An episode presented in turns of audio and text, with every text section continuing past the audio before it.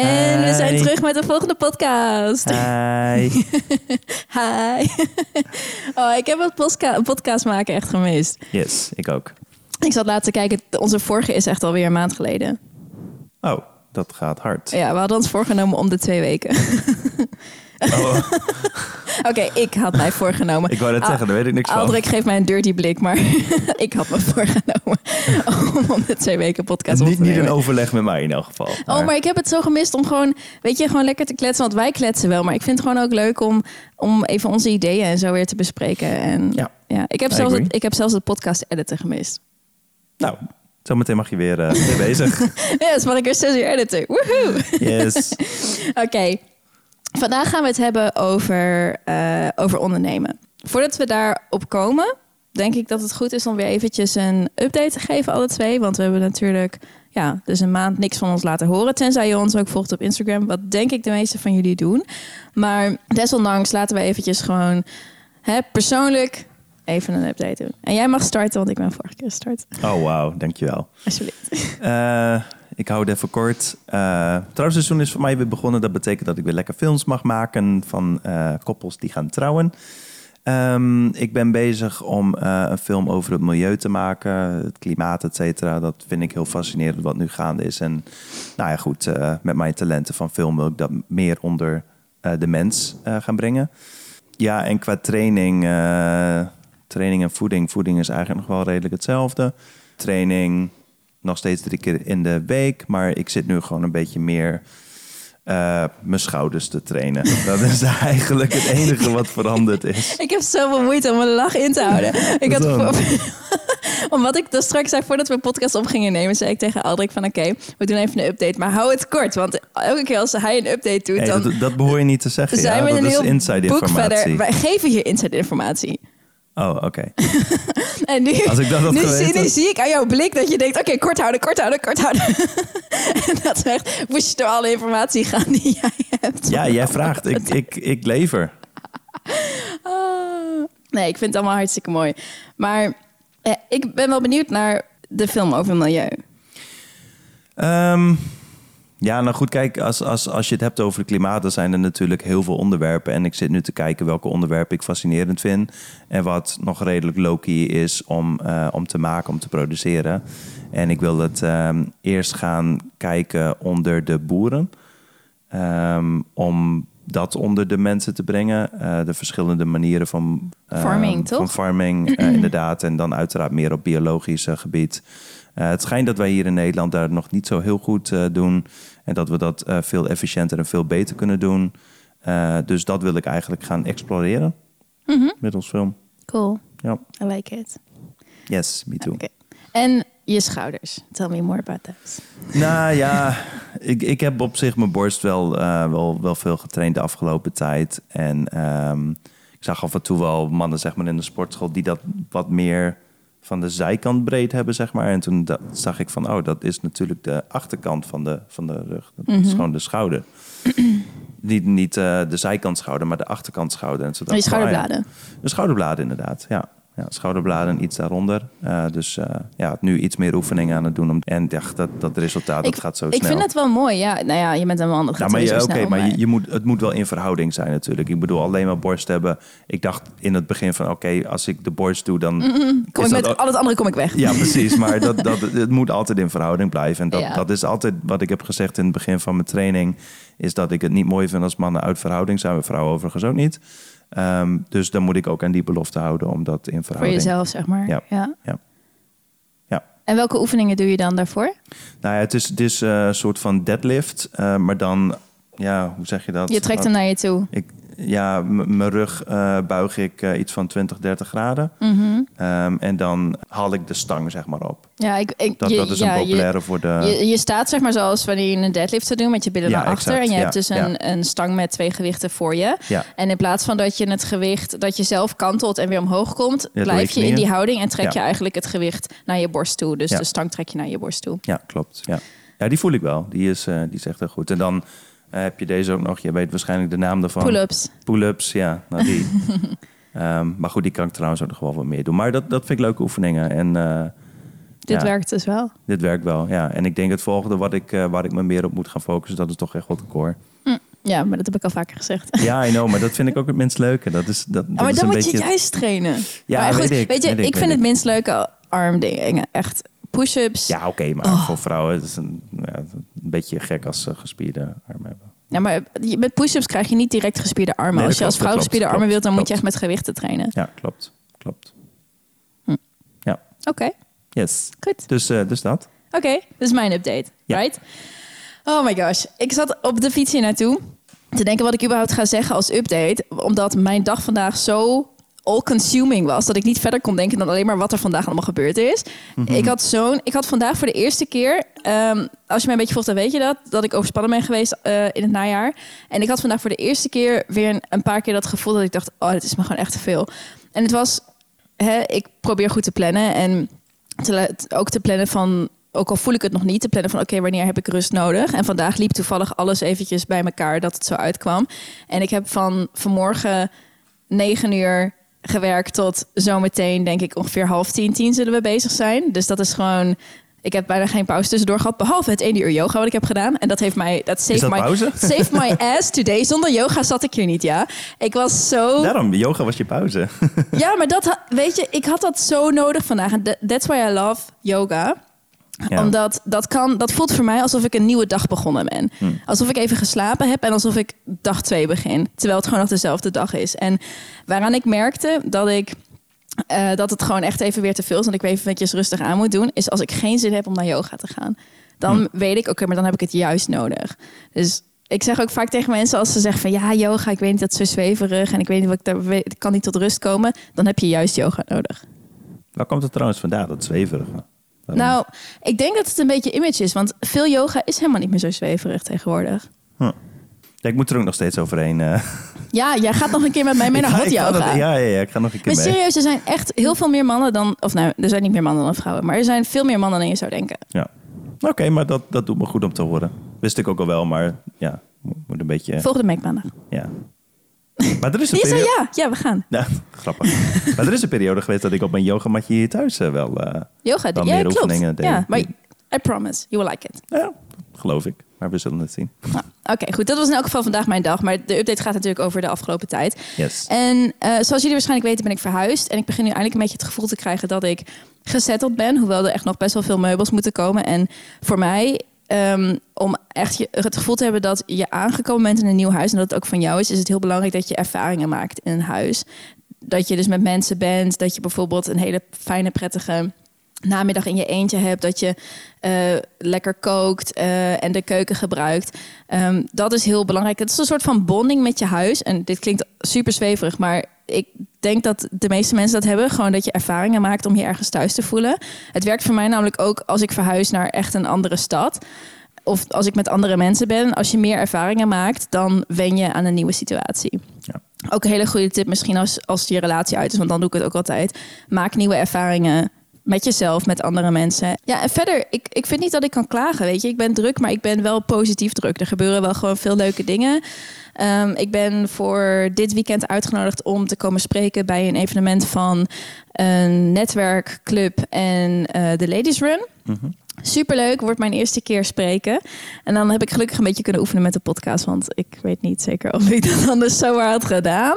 Ah, jawel, joh. Ja, maar weet je, ik ben altijd, ik ben altijd de dagen van voordat zo'n evenement komt, ben ik altijd een beetje zenuwachtig. En op de dag zelf heb ik altijd vaak zoiets van: oké, fuck it, ik wing dit gewoon. En dan gaat het meestal goed. Het is altijd de anti- anticipatie wat enger is dan, Dan- het, dan de gebeurtenis eh Ja, I think zelf. so. Dat- Nou goed, dus dat. En ehm, ja, eerlijk gezegd, qua voeding en sport is bij mij momenteel niet zo interessant. Het is al- nog een beetje hetzelfde. En ik denk dat we binnenkort even een podcast moeten opnemen over sport. Want mij viel op dat we nog niet één podcast over fitness hebben opgenomen. We hebben al drie over voeding gedaan en één nu over ondernemen en nog nul over sporten. Nou, dan mag ik wel eens wat eh, gaan duiken in de terminologie van... Oh, you, you have me. ja, dat, daarom, eh, ja, als ik iets voordoe, dan weet jij de naam, zeg maar. Ja, dan kan ik het wel zeggen. Ja. Oké. Oh, ik heb nog een leuk nieuwtje. Dat moeten we natuurlijk nog wel even vertellen. Want, wat hebben wij gisteren gemaakt? Op Instagram. Ik, eigenlijk. Een nieuwe kanaal. Yes, we hebben een podcastkanaal aangemaakt op Instagram. En ik vind dat jullie dat als eerste moeten weten. Ehm, de luisteraars. Want ehm, we hebben gedacht, het is eigenlijk vet onhandig dat wij in onze podcast het over dingen hebben die je eigenlijk eventjes gezien zou moeten hebben. Of die handig zijn om eventjes ergens terug te kunnen kijken. We hebben in de podcast over alcohol verteld over een website waar je kunt checken waar die alcohol of of die alcohol vegan is. We hebben het gehad over een app waarmee je, net zoals met TripAdvisor, vegan uit eten kunt. Het is gewoon chill als je even weet, oh ja, dat was hem ook alweer. Dus we willen ons eh, Instagram-kanaal gebruiken om daar uit elke podcast even een paar keynotes op te zetten. Uh, als er andere informatie is die niet per se op een van onze andere kanalen moet, dan uh, kunnen we die daar ook op zetten. En ja, als je het leuk vindt om ons te volgen en je wilt gewoon de full healthy chat experience, dan zou ik zeggen, give us a like. Yes. Oké, okay, zullen we starten met ons thema van vandaag? Yes. Oké, okay, voordat we starten wil ik even een kleine disclaimer plaatsen over deze podcast. Want we hebben het over zelfstandig ondernemen. De meeste van jullie weten dat ik in mijn eerste jaar zit als zelfstandig ondernemer. En nou zou je kunnen zeggen van, ja, wat kun je nou precies voor tips geven op het moment dat je zelf nog ergens in zit? En eerlijk gezegd, ik heb lang nagedacht over of we deze podcast moeten opnemen of niet. En toen dacht ik, nee, we moeten het juist doen. Want we zitten alle twee in een andere fase van zelfstandig ondernemen. Jij bent vier jaar bezig, ik zit in mijn eerste jaar. En eerlijk gezegd, voorafgaand aan dit eerste jaar had ik al een jaar lang ideeën in mijn hoofd. En ik merk nu al, nu we pas een jaar later zijn, merk nu al dat ik een deel van die mindset al niet meer heb, omdat ik alweer verder gegroeid ben. Terwijl ik op dat moment heel goed tips had kunnen geven van de dingen die ik net geleerd had, recentelijk had geleerd. En ik denk dat als ik deze podcast zou opnemen over drie jaar, als ik zelf uh, nou ja, echt al wat langer aan het ondernemen ben, dat ik tips kan geven voor mensen die net iets achter mij zijn, zeg maar, die bijvoorbeeld twee jaar bezig zijn, maar niet meer voor iemand die net begint. Want dan is het gewoon niet meer recentelijk voor mij, zeg maar.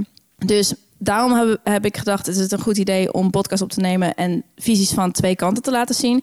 Jouw kant met vier jaar ervaring, mijn kant met nou ja, in mijn eerste jaar gewoon fresh as it is. Ik merk het zelf ook dat, dat je het heel snel vergeet hoe je bent begonnen. Ja. Je vergeet, je vergeet vooral de struggles en de dingen waar je moeite mee hebt gehad. Als ik nu ja. terugdenk aan de dingen die ik in het begin lastig vond, dan denk ik, ja, klopt inderdaad. Dat vind je lastig in het begin. Ik denk dat ik nog wel een paar van jou weet, maar van jezelf, ik vind het ook heel moeilijk om van mezelf te nou, zeggen. Ik hoop dat we daar zo meteen nog wat, uh, wat uh, uit kunnen halen. Ja, vast wel. Nou goed, dat is eventjes als disclaimer. Dus denk niet dat ik uh, hier op de podcast wil komen en wil laten zien van... hé hey jongens, ik ben pas drie maanden bezig, maar ik heb het allemaal ja. al begrepen. En luister naar mij. Totally not ik wil meer zeg maar laten zien van oké, okay, ik zit er nu middenin. Dus als jij ook net beginnend bent, um, dit wil, de, beginnen. wil beginnen, dit zijn de ja. dingen waar ik achter ben gekomen en maak er gebruik van als ja. je wilt. Ja. Oké. Okay. Goed, gaan we gelijk denk ik naar mijn eerste, mijn eerste tip. En ik denk dat jij dat dat ook een van de dingen is die jij nog herinnert. En dat is wees selectief in wat je van anderen aanneemt. Ik heb in mijn eerste jaar, toen ik het idee had om uh, zelfstandig te beginnen, dat een hele tijd voor mezelf gehouden. En ik heb het echt alleen met jou gedeeld. En op een gegeven moment dan komt toch het moment dat je het met andere mensen moet gaan delen. Want je gaat het openbaar maken op, uh, op social media. Je gaat uh, misschien een KVK aanvragen. Je gaat klanten krijgen. Dus je moet het wel vertellen aan je, aan je close omgeving. En eerlijk gezegd, ik was totaal niet voorbereid op wat van hun terug zou komen. En dat was helemaal niet negatief. Mijn omgeving, ik ben echt dankbaar dat iedereen altijd zo positief is geweest. Ik heb vrij weinig negatieve ervaringen en negatieve reacties gekregen op mijn, mijn zelfstandige ondernemingsplannen, zeg maar. Maar wat ik kreeg waren heel veel adviezen. Heel veel mensen die zeiden: Oh, doe dit, oh, doe dat. Oh, weet je, ik heb het zo en zo gedaan. En honestly, that fucked my mind. Uh. En ik heb echt, ik denk wel drie kwart jaar nodig gehad om in te zien dat de tips die anderen geven, die voor hun gewerkt hebben, niet voor jou hoeven te werken. En ze dus, zitten ook in een heel ander stadium. Soms is soms echt niet te vergelijken. Dat is soms niet te vergelijken. En mensen nee. geven tips natuurlijk. Hè, ze willen je helpen. Maar daarom willen we zo graag deze podcast van twee kanten opnemen. Um, je, je denkt er zelf ook niet per se over na. Of het advies bij diegene past aan wie je het geeft. Nee, klopt. Dus ik denk dat dit een goede is om mee te beginnen. Om als allereerste te zeggen voor deze podcast. Bij alles wat wij zeggen wat voor ons gewerkt heeft. Toets dat eerst aan jezelf. Ja. Kijk of dat, dat bij jou niet, past. Uh, exact, ja. En ik, ik heb heel erg de fout gemaakt om te denken, want ik dacht, um, nou, ik ben net begonnen. Het gaat eigenlijk best wel lekker zoals ik het doe. Ik deed het gewoon op gevoel. En uh, ja, ik had het gevoel dat het wel goed ging. En toen kwam iemand die al 15 jaar aan het ondernemen is. En die zei tegen mij, heb je een ondernemersplan? Dus ik zo, ehm, wat? Oh, ik vind het echt verschrikkelijk. Ja, nee, maar dat. En toen kwam die met, oké, maar je moet ook een marketingplan hebben. En ik zei, oh, really? I do? En, en Waarom toen, dan? Ja. Ja. nee, maar en toen, weet je, en dat. En ik moest een plan hebben wat ik over vijf jaar wilde doen. En ik moest een financieel plan hebben. En sorry, maar dat is niet hoe ik onderneem. Ik En denk door, de meeste niet trouwens. dat is de traditionele manier. En misschien Ja. dat het nu Ja. zeg maar veranderd is. Maar diegene was nog heel erg in die traditionele manier. En voor hem werkte het goed. Voor mij, het voelde... Ik had er gewoon instantly geen zin meer in. En ik heb gezegd, weet je, dan maar niet zonder plan. Of dan maar zeg maar zonder plan. Ehm, dan maar niet. En ik kijk wel of het op een natuurlijke manier op mijn pad komt om zo'n plan te maken. Maar ik ga niet, omdat het moet, dat aan mezelf opleggen. Ja, kijk, het, het, het ding is een beetje... Ik bedoel, ik als creative bijvoorbeeld, ik ben begonnen omdat ik het leuk vind. En dat is bij jou net zo. Ja. Je, je, bent, je begint met iets omdat je dat leuk vindt, omdat het je passie is. En dan komt er iemand, zeg maar, die al vele jaren verder dan je is. En die geeft dan vervolgens advies, waardoor het in één keer als werk voelt. En het is oké als het werk voelt, maar dat, dat is gewoon een te grote stap. Je moet daar zelf naartoe werken. Het wordt Ja. vanzelf, zeg maar, je werk. Ook al ben je misschien nog niet eens bezig om het te monetizen. Want hè, die mensen, die heb je ook... Ik bedoel, ik ben ook vanuit hobby begonnen. Het was nooit mijn idee om daar eerst eh, werk van te maken. Maken, ja. Maar het gebeurde gewoon. Ja, precies. En dat, dat, vind ik zelf echt de, de, de meest fijne manier wat dat betreft om te starten. Want anders ligt er best wel veel druk op. En ik, ik, Ja. ik, ik herken het. Ik heb die periode ook gehad dat ik een ondernemersplan et cetera moest gaan. Maar dat was gewoon puur omdat ik toen in de uitkering zat. Fuck En- ondernemersplan als je dat niet wilt, jongens. Ja, ik- Seriously. nou, dat is niet meer de, de moderne Ik- manier ik, van Ik ondernemen. heb er een beetje van geleerd, maar heb ik, Ik heb daar er vooral van geleerd. Ik heb Nee. vooral van geleerd wat ik niet moet doen. Ik voelde me er zo Ja. door ontmoedigd. Want ik dacht Ja. dus. Het is hè, heel oninspirerend. Ja, maar ik dacht dus, en misschien dat wij in die zin minder meer. Ik, ik zeg dat wel vaker. Ik denk dat wij meer in die zin artists zijn. Wij, wij maken iets moois van ons werk, zeg maar. Dan dat wij echt ondernemers zijn. Ik zou niet Ja, zeggen dat ik een knalharde ik ondernemer niet, ben. Absoluut niet. Nee. Ehm, maar goed, ik weet nog hoe ontmoedigd ik me gewoon voelde. Omdat Ja, ik dacht, hé, ik hey, maar ik ga het. best wel lekker en dit is leuk. Ja. En hey, wauw, weet je, je zet de eerste stapjes. Het is alsof je net leert lopen. En dan komt er iemand die zegt, je doet het verkeerd. Zo, zo voelde het. Ja, hè? ja, Zo, dat ja. zei hij niet, maar zo voelde het. En Ja, ik weet voelde me heel zo goed hoe jij ontmoedigd. dat eh, geïnterpreteerd had. Het was, het was moeilijk om je uit dat zwarte gat te ja, trekken. en ik heb daar echt maanden in gezeten. Ja, ik weet het. En, en, En, ik, daar hebben, ja. we, hebben we toen ook heel vaak over gehad. En, en ja. it was hard for you. Ja, eh, dat was wel echt, dat was wel zwaar, ja. Ja. Maar goed. Diegene bedoelde het goed, dus je hoeft niet... het allemaal goed. Je hoeft het niet, je hoeft ook niet iemand, zeg maar... eh, je hoeft ook niet mensen uit de weg te gaan of zo. Maar ik, ik, ik laat gewoon... Ik heb gewoon een beetje een soort van schild opgebouwd... voor het advies van andere mensen.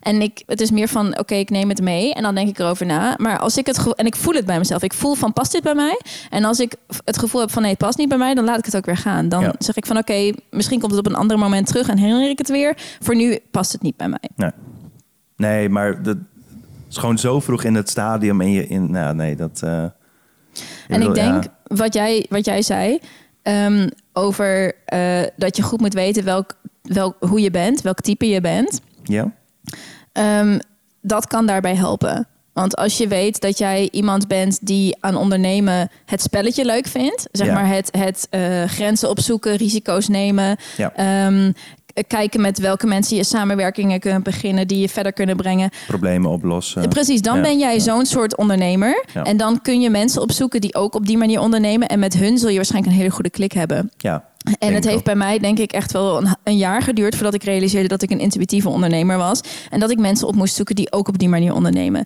En ik heb ze nu gevonden. Ik zit bij... eh, eh, bij een netwerkclub en ik heb nog contacten bij een andere netwerkclub. En ik had nooit gedacht dat ik dit zou zeggen, maar ik ben zo blij voor deze mensen. Gewoon omdat ik zoveel ehm, overeenstemming voel. En, en dat, het voelt gewoon goed om met hun uit, dingen uit te wisselen. En eh, als ik dacht aan traditionele netwerkbijeenkomsten... waarbij je om een staattafel staat... en iedereen, Ja, probeert, iedereen probeert met elkaar ja. een samenwerking aan te gaan. Eeuw, weet je, ik krijg kippenvel als ik erover nadenk. I could never do that.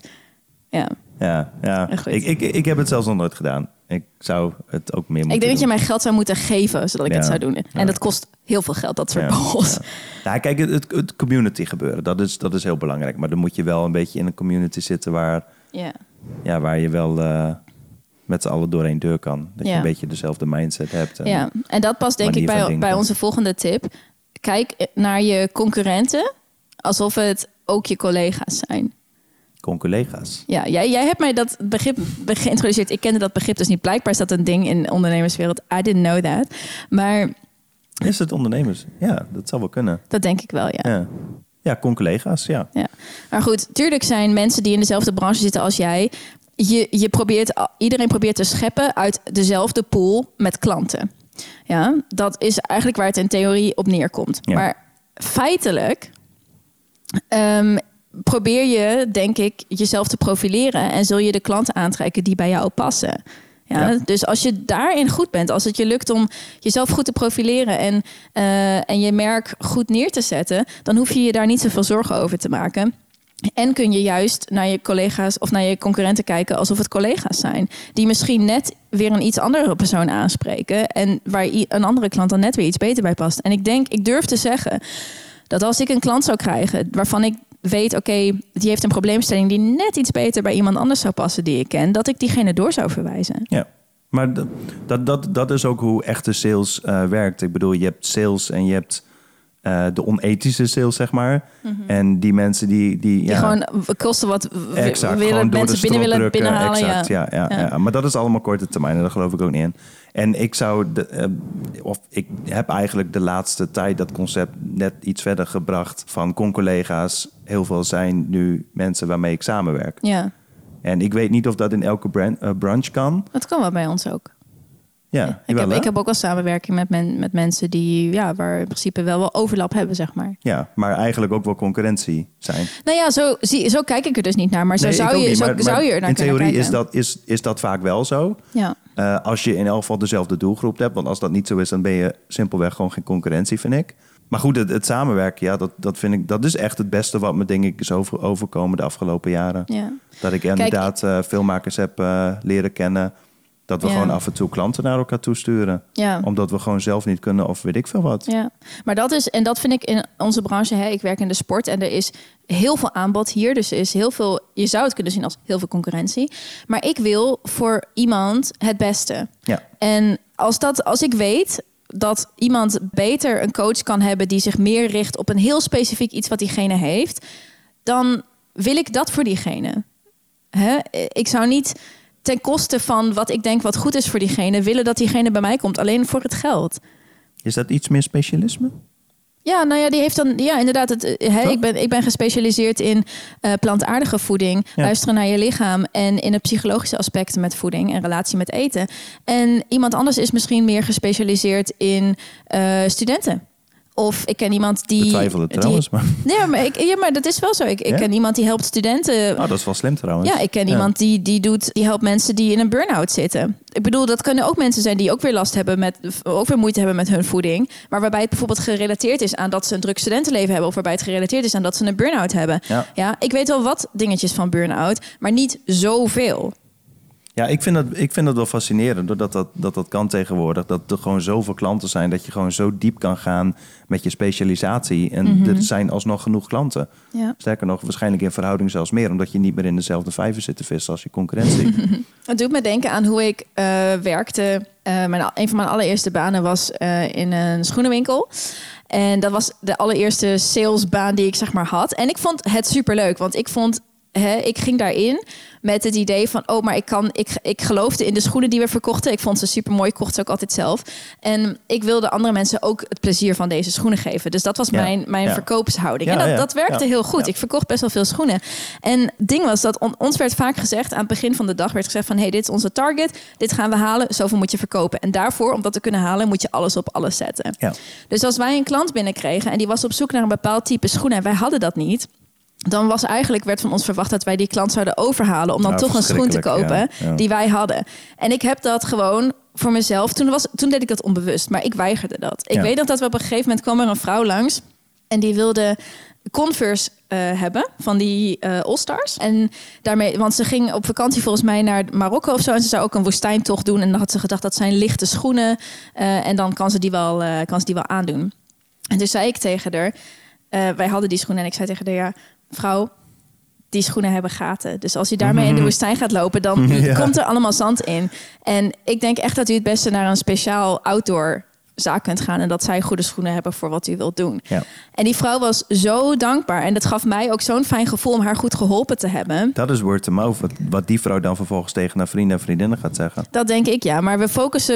In elk geval, mijn ervaring met bedrijven is dat ze heel snel, dat ze heel erg focussen op directe, ja, directe groei, direct geld en niet op klantenbinding. Ik weet er alles van. Zeven jaar in de sales gezeten. Nou ja, ik heb, ik heb ook best wel veel banen gehad in, in sales en ook nog een kledingwinkel. Dus ik weet wel hoe het gaat. En ik heb er altijd mijn eigen draai aan gegeven. En ja, dat doe ik net zo Ja. gewoon mezelf, met zelf ondernemen. Nou ja, het scheelt natuurlijk al heel veel als je in je product gelooft die je verkoopt. Dat moet. Je moet ja, dat in je moet, maar product nou, geloven. nou ja, dat gebeurt niet in de praktijk, maar ik ben het 100% met je eens. Ja. Ik heb dat niet opgeschreven als tip, maar ik zou willen zeggen...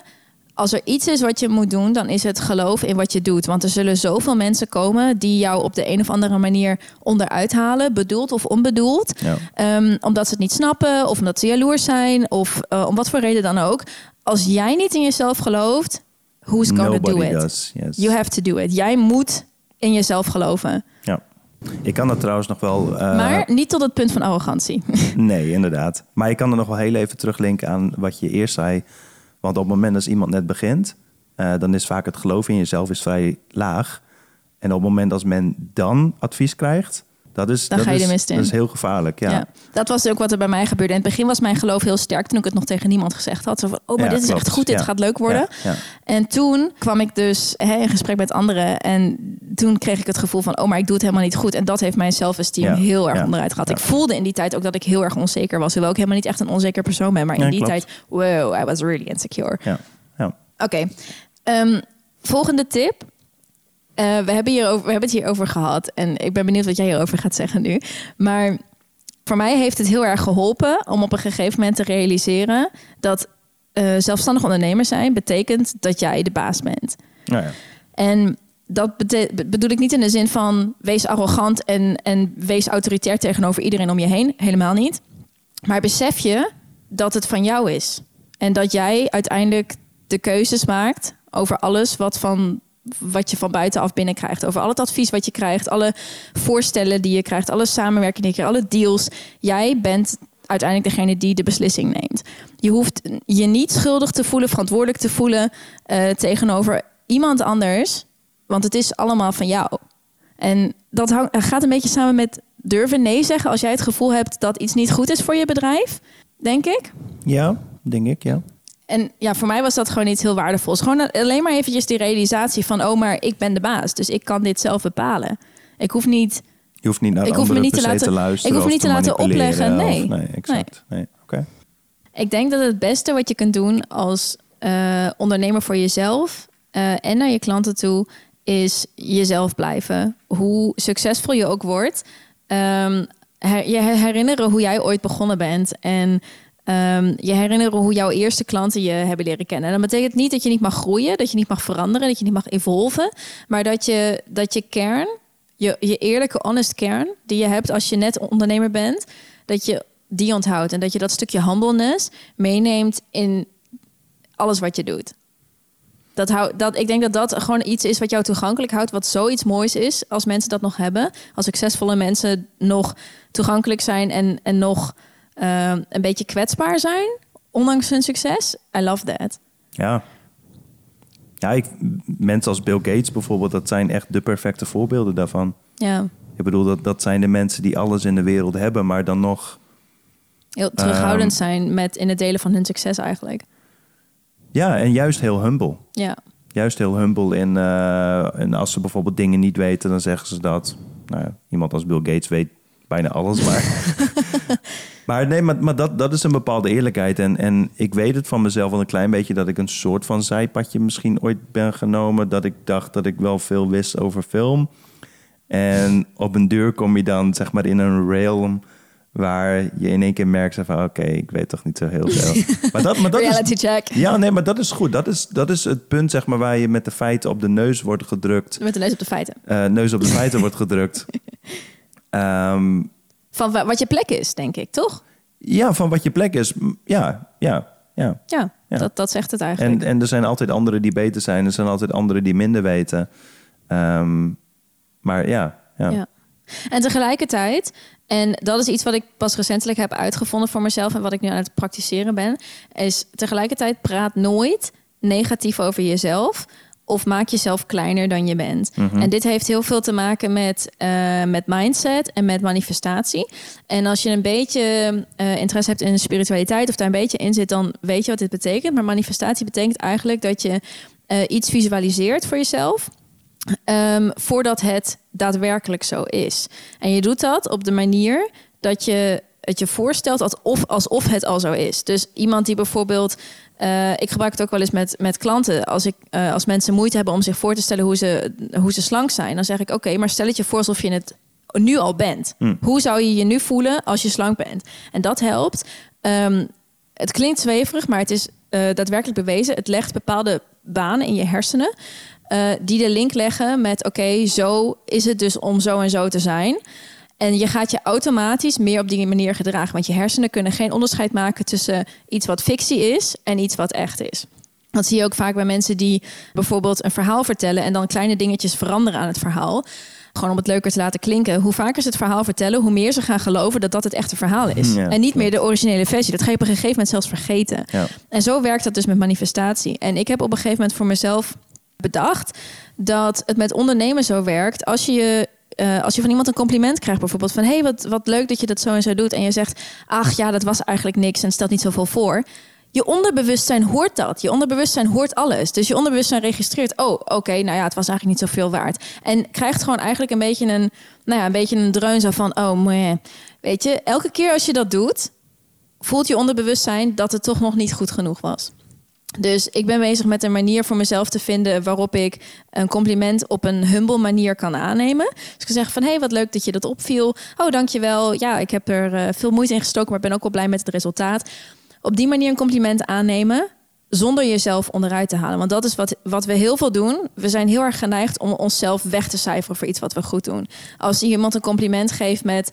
eh, hey, ik heb het gevoel dat je afgevallen bent. Je ziet er goed uit. Oh ja, nou ja, ik had het een beetje druk... dus ik kwam niet toe aan weinig eten. Of aan veel eten. Terwijl diegene misschien gewoon super hard gewerkt heeft... en wat meer gesport heeft. Own that shit. Weet je, je mag best trots op jezelf zijn. En je kunt tegelijkertijd nog humble zijn. En aan jezelf een soort van die aai van dat compliment wel geven. Ja. Dus dat is denk ik een van mijn belangrijkste, belangrijkste recentelijke tips. Je onderbewustzijn hoort alles. Dus I agree. ja, die wist je nog niet, hè? I, I hate to break it, but yes, I did. Echt? Ja. Nee. Jawel. Oh.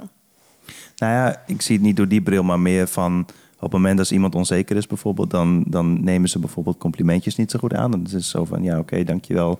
Jij ook. Ja, dan geven ze Oh ja, gelijk, terug. Ja. Gelijk teruggeven, dat is een... eh, en iemand die weet dat, dat ze de complimentjes waard zijn... die gaan daar dan ook anders mee om. Zo, oh, dankjewel, lief dat je dat zegt. Oh, dat Ja. waardeer ik. ja. Klopt. En ja, goed, dat klinkt een beetje als een kip en ei verhaal, maar ik, ik denk wel dat het klopt dat je dan voor jezelf dat moet veranderen. Ehm, en jezelf dat ook waard moet vinden dat, dat, je, ja. dat je complimentjes krijgt. Ja, zeker. Je kunt denk ik niet, dat is een van de dingen die denk ik niet gaat werken. Je kunt niet ondernemen vanuit onzekerheid. Nee. Misschien, op, misschien, op, misschien op korte termijn wel. Ja, nee, maar dan zul je, misschien, zul je misschien ook allemaal andere klanten aantrekken die ook heel erg onzeker zijn. Ja. En ik denk dat vanuit, vanuit een positieve zelfverzekerdheid, dus niet arrogantie, maar zelfverzekerdheid, dat kan je alleen maar helpen om uiteindelijk weer mensen te helpen. Ja. En ik bedacht me nog één ding over manifestatie.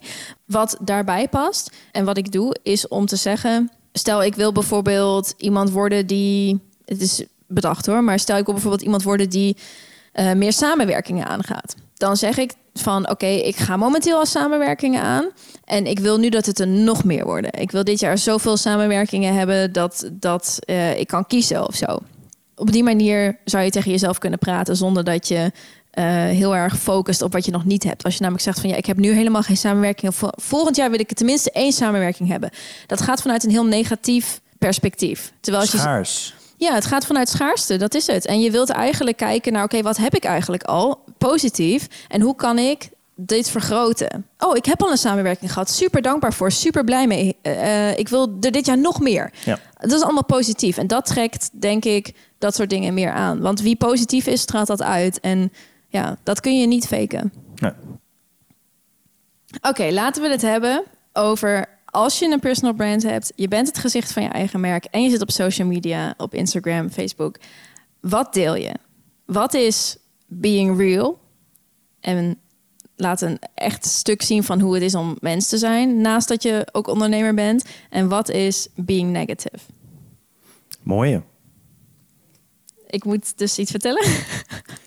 Ja, jij leidt het in. Dus ik eh, ben wel heel benieuwd wat je daar... eh, ik wil er wel over beginnen, want ik, ik, heb, ik heb dit wel eh, meegemaakt en ik zie dit ook bij anderen. Ehm, het is heel lastig om de perfecte lijn te vinden tussen dingen laten zien waar jij af en toe ook mee struggelt, of slechte momenten te delen die je hebt, en om niet gelijk negatief over te komen of om over te komen alsof je niet weet wat je doet. hm, ja. Vooral in mijn branche, ik weet niet hoe dat is. Ik, volgens- ik heb geen idee of je dat in jouw branche überhaupt zou kunnen delen. Maar in mijn branche is het zo dat op het moment dat je zou delen van... oh, ehm, nou, ik heb de laatste tijd een beetje... ben ik een beetje mijn eh, gewicht uit het oog verloren. Ik ben een paar kilo aangekomen, die moet ik weer afvallen. Ik denk dat je daar best wel veel schade mee kunt doen. Hoewel dat eigenlijk zo onterecht is. Omdat het af en toe iedereen overkomt. ja, het is de Zelfs- manier waarop het gebracht wordt. Dat is wat vaak... Nou ja, het dat, dat weet ik niet eens. Ik denk dat op het moment, hè, mensen kijken toch een beetje naar je op. Zo van, oké, dat is de expert, die weet precies wat, wat hij doet. En Ja, eh, die leidt het leven, het leven wat, wat ik zou willen hebben misschien wel. Zo van, die heeft het allemaal voor elkaar. En dat laat aan de ene kant dus heel erg zien dat je wel een mens bent waar ik heel erg voor sta. En aan de andere kant kan het je ook een beetje... eh, het kan je gewoon schaden. En dat maakt het dat heel veel mensen het eng vinden om echtheid te delen op social media. Ja, mensen die willen... En dan mensen, quote-unquote volgers... die willen vaak in die bubbel blijven leven... dat je perfect bent. Ehm, nou ja, ik denk niet eens dat het bewust is. Ik Nee, denk nee, nee, ik zeg dat niet dat het het- bewust is. Dat is, dat is wat, Ja. ze, wat ze onbewust willen. Ze Ja. willen niet zien zeg maar, dat een, ook een model zeg maar, slechte dagen heeft. Omdat zeg maar, Zo van, je leven moet perfect zijn of zo. ja, jouw leven ja. moet perfect zijn. Want als jij dat kan, dan kan mijn leven ook perfect zijn. Ja, ja dat zou best wel... Dat zou best... Daar heb ik nooit over nagedacht, maar het zou best wel kunnen. Yes. Ja. Ah, interesting. Ja, ik heb het heel erg gemerkt in de tijd dat ik overspannen was. Want als je overspannen bent, daar horen ook gewoon een beetje depressieve gedachten bij dat je die hebt. En ehm, ik vond het heel moeilijk om niet heel serieus te zijn op eh, social media. En het is nu alweer anderhalf jaar geleden dat ik echt in die hele, nou ja, ongeveer anderhalf jaar geleden dat ik echt in die fase zat waarin ik het echt lastig vond om niet positief te zijn. Want dat was ik wel. Ik, ik was positief voor in de zin wat voor mij op dat moment mogelijk was. En Ja. als je, ja, maar als je, als je overspannenheid niet kent en je bent het zelf nooit geweest of zo, dan weet je niet dat dat op dat moment niet mogelijk is. Nee, en als je het zelf een keer hebt meegemaakt, dan weet je dat iemand die überhaupt nog in staat is om wat te plaatsen op social media. Working freaking hard to do that. Oké. Ja. En ehm, dat is het gebrek aan context wat je hebt, denk ik, als volger. Ehm, en ja, het is gewoon, het is een best wel lastige balansact, denk ik, tussen Ik wat, wat kun je laten zien en wat Ik- niet. ja, wat schaadt je en wat niet. Ja, komt er dan ook niet iets bij van dat je dus schijnbaar moet nadenken over wat jouw volger we- wel of niet gaat begrijpen Ja. zonder die context? Ja, dat en op het moment als, als, de, als de volger het hoogstwaarschijnlijk niet gaat begrijpen, ehm, ja, dan is het in die context misschien niet zo heel handig om te delen. Maar dat, dat ik- ik lijkt me heel moeilijk om in te zien hoor. Ik ben, ik ben heel dankbaar voor de mensen. Ik heb, ik heb fantastische volgers. Ik ben zo blij met jullie. Eh, omdat alles waar ik doorheen ga, eh, krijg ik in principe altijd positieve berichten over. En Ja. ik ga altijd overal wat mij ook overkomt. En dus niet dat mij ontzettend veel dingen overkomen. Maar als mij iets overkomt wat minder goed is, ik probeer altijd mezelf weer te her- herpakken en te kijken: oké, hoe kan ik dit positief zien? Hoe kan ik hieruit leren? Eh, oké, maybe I didn't win. How can I learn? Weet je, dat je altijd iets haalt, uh, haalt uit wat je overkomt. Ja. Uh, maar desondanks, op het moment dat je een struggle deelt, op het moment dat je een negatief moment of een minder leuk moment deelt, heeft het altijd een soort van negatieve klank. En er zijn mensen die dan gelijk afhaken. En dat zie je. Dat ja, maar zijn... mi- mits je dan als de, de slachtoffer overkomt. Nou, Dat dat. is- Of mensen die jou gewoon net iets minder goed kennen. Die jou bijvoorbeeld Oh, ja, ja, volgen om je positiviteit. En die dan dat niet krijgen. Dat is gelijk feedback die je krijgt. En dat kan, denk ik, voor mensen die op dat moment zich sowieso niet goed voelen... kan echt een, een negatieve spiraal worden.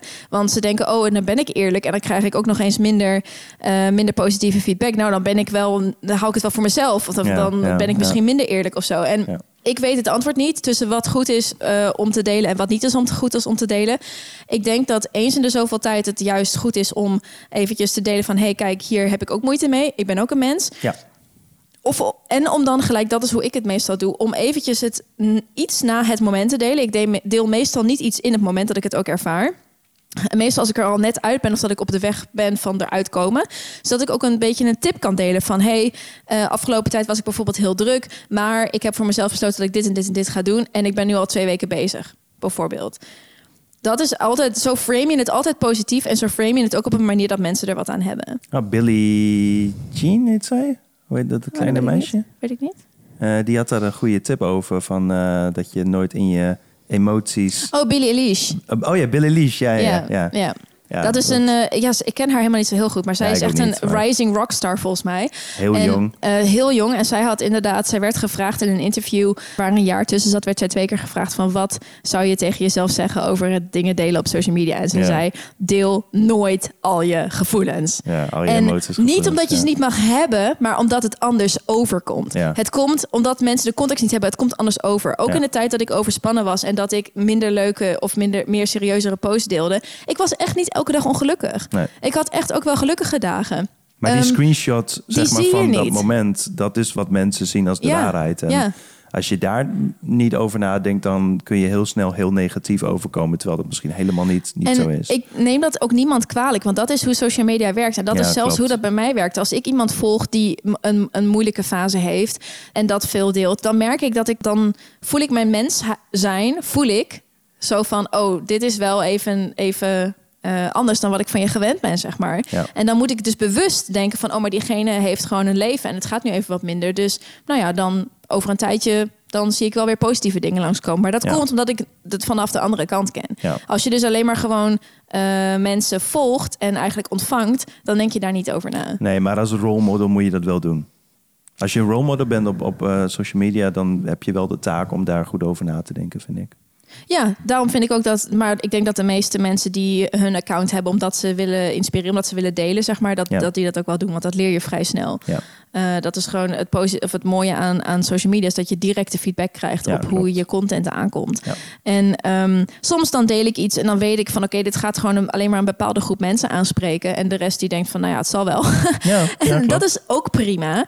Ehm, het gaat ook niet alleen maar erom. Hè, het gaat ook een beetje. Je moet het ook doen zodat je het zelf leuk vindt. Je doet het niet alleen maar voor likes en voor volgers. Tuurlijk wil je de, zoveel mogelijk mensen helpen met je content. Ja. Maar. eh, het is ook prima om af en toe, weet je, soms dan heb ik zoiets en dan denk ik van, oké, deze post gaat misschien 30 mensen heel erg helpen en deze andere post gaat misschien 50 mensen eh in die zin hebben ze, oh, hey, goede tip. En Een beetje helpen, bedoel je? ja, een beetje Ja, helpen. ja. En, en ik denk dat, dat je een beetje moet afwisselen tussen die Ja, twee. Want, want ook, ook die, die 30 volgers die je misschien daarmee heel erg raakt, Ja. die zijn jou misschien wel super dankbaar. En die zijn wel heel trouw aan je. En ik ben dankbaar voor iedereen die mij om verschillende redenen volgt. En ik vind dat ik voor iedereen, dat ik iedereen wat terug moet geven, zeg maar. Ja. Het is gewoon heel lastig om op Instagram en jezelf te zijn en altijd positief te zijn en je eigen merk te zijn. En ehm, ik denk dat, dat het je niet bewust is als, eh, als je iemand volgt hoe lastig dat eigenlijk is. Ja, dat is heel lastig. Vooral als je iemand zoals mij bent die te veel interesses en zo heeft, dan komt dat er ook nog weer bij. Hoezo? Oh, dat je alles wil delen. Nou, niet, niet zozeer alles wil delen, maar er zijn gewoon veel dingen waar ik gepassioneerd over ben. En dan moet ik toch op de een of andere manier nog een beetje kijken wat past in mijn personal branding idee, Ja. zeg maar. En, Ja. maar goed, aan de andere kant heb ik daar ook wel meer scheid aan in die zin. ehm, ja, dat, dat, dat ik het misschien toch niet helemaal als een personal brand zie, maar gewoon als, Ook voor je als, als, ja. meze- als mezelf. jezelf, ja. Ik denk dat als je van je, van je eh, leven een soort van merk wilt maken, ehm, of van jezelf een merk wilt maken, ja. dat het heel belangrijk is, en dat heb ik ook al van andere mensen gehoord die podcasten over ondernemen. Ehm, is dat je heel duidelijk hebt wat je wel en niet deelt. Ik krijg namelijk heel vaak van mensen terug die mij niet zo heel goed kennen. Van, oh ja, maar jouw leven draait alleen maar om gezondheid en fitness. Is ook wel zo. Maar dat betekent niet dat ik ook nog andere interesses heb. Alleen die interesses deel ik nooit. Ja, exactly. ja. Want mijn, mijn account gaat over fitness en gezondheid. En ik heb letterlijk op een gegeven moment tegen mijn vrienden gezegd... die mij volgden op Instagram. Ik zei, jongens, als jullie mij willen ontvolgen I don't hate you, Ja. want dit is mijn werk. Dit is Ja. niet mijn persoonlijke Instagram. Volg mij lekker op Facebook als je mijn, weet ik veel, vakanties met de familie wilt zien. Ja. Maar Ja, ja. weet je, vo- voel je niet slecht als je mij wilt ontvolgen als ik hier alleen maar over dingen lul die jij helemaal niet interessant vindt. Nee. En ehm, ja, ik ben even kwijt wat ik er nog over wilde zeggen. Misschien Ja, kom nee, ik er maar zo weer ik, op. eh, ja, ik snap hem in elk geval. Ja. Maar goed, jij hebt het niet echt... Ja, je, hebt, je Facebook is persoonlijk, maar Ja.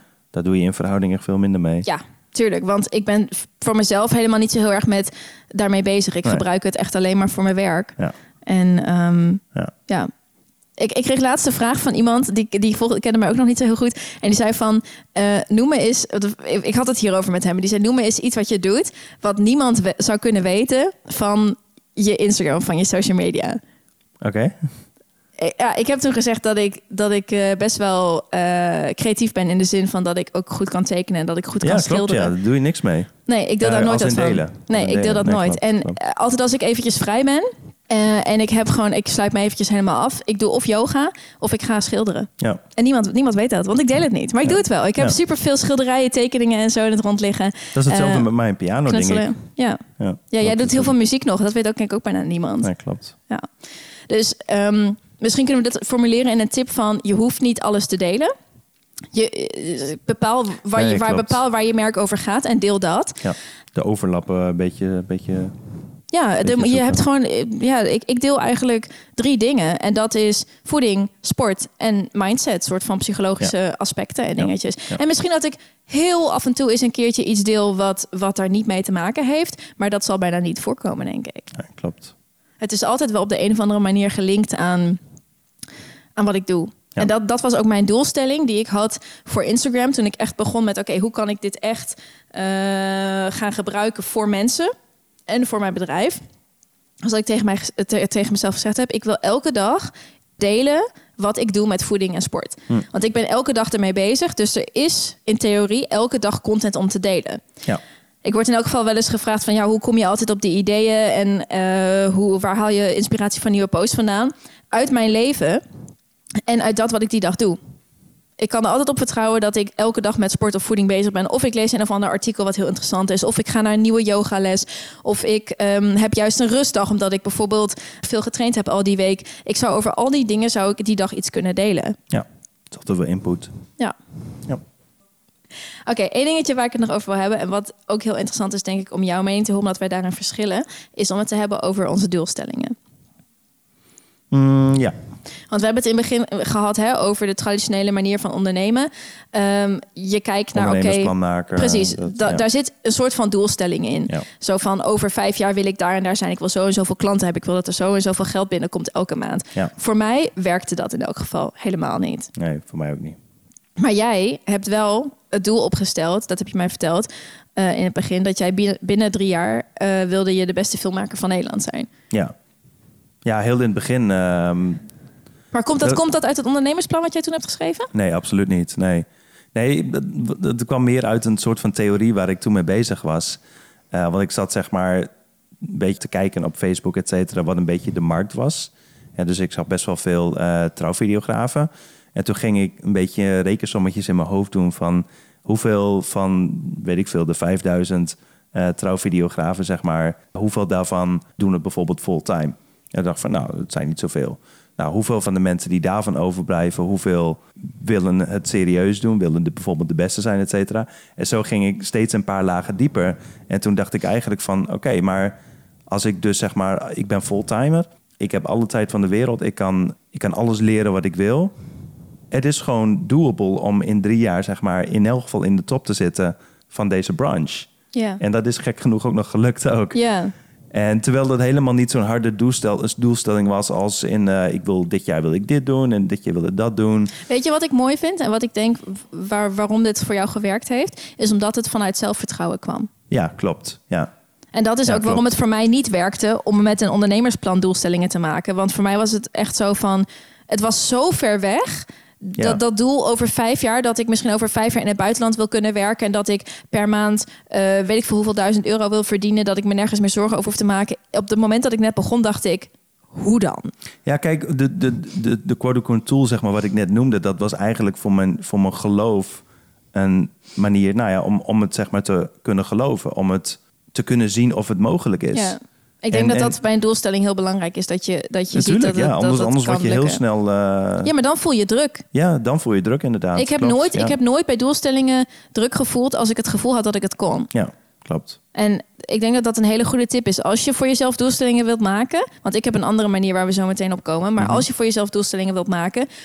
Misschien is het beter om de eerste paar doelstellingen wat dichterbij te kiezen. En om misschien zelfs jezelf even een klein beetje te onderschatten. Om je zelfvertrouwen een boost te geven. Als je namelijk weet dat je het sowieso wel gaat halen. Of als je voelt van oké, dit gaat sowieso wel lukken. Ja. Dan heb je dat succesmoment. En dat geeft je meer power en zelfvertrouwen om de volgende. Ja. Wat misschien wat verdere, wat hogere stap te zetten. En wat, wat groter doel te maken. Ja. ja, en plus, dat weet ik ook nog heel goed in het begin. Ik had geen idee zeg maar, wat quote-unquote de top van de videografen zou, zouden verdienen. Ik was niet bezig met geld. Ik wist alleen wel ergens in mijn onderbewuste, denk ik, dat wanneer je beter werd, kun je meer vragen.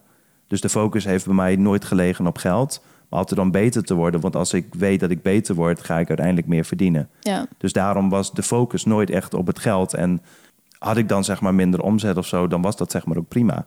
Omdat ik toch weet dat het, dat het het lange spelletje is. En dat is, dat is iets wat ik ook wel heb geleerd, dat het gewoon zoveel geduld nodig heeft om gewoon überhaupt echt goed te worden in je vak.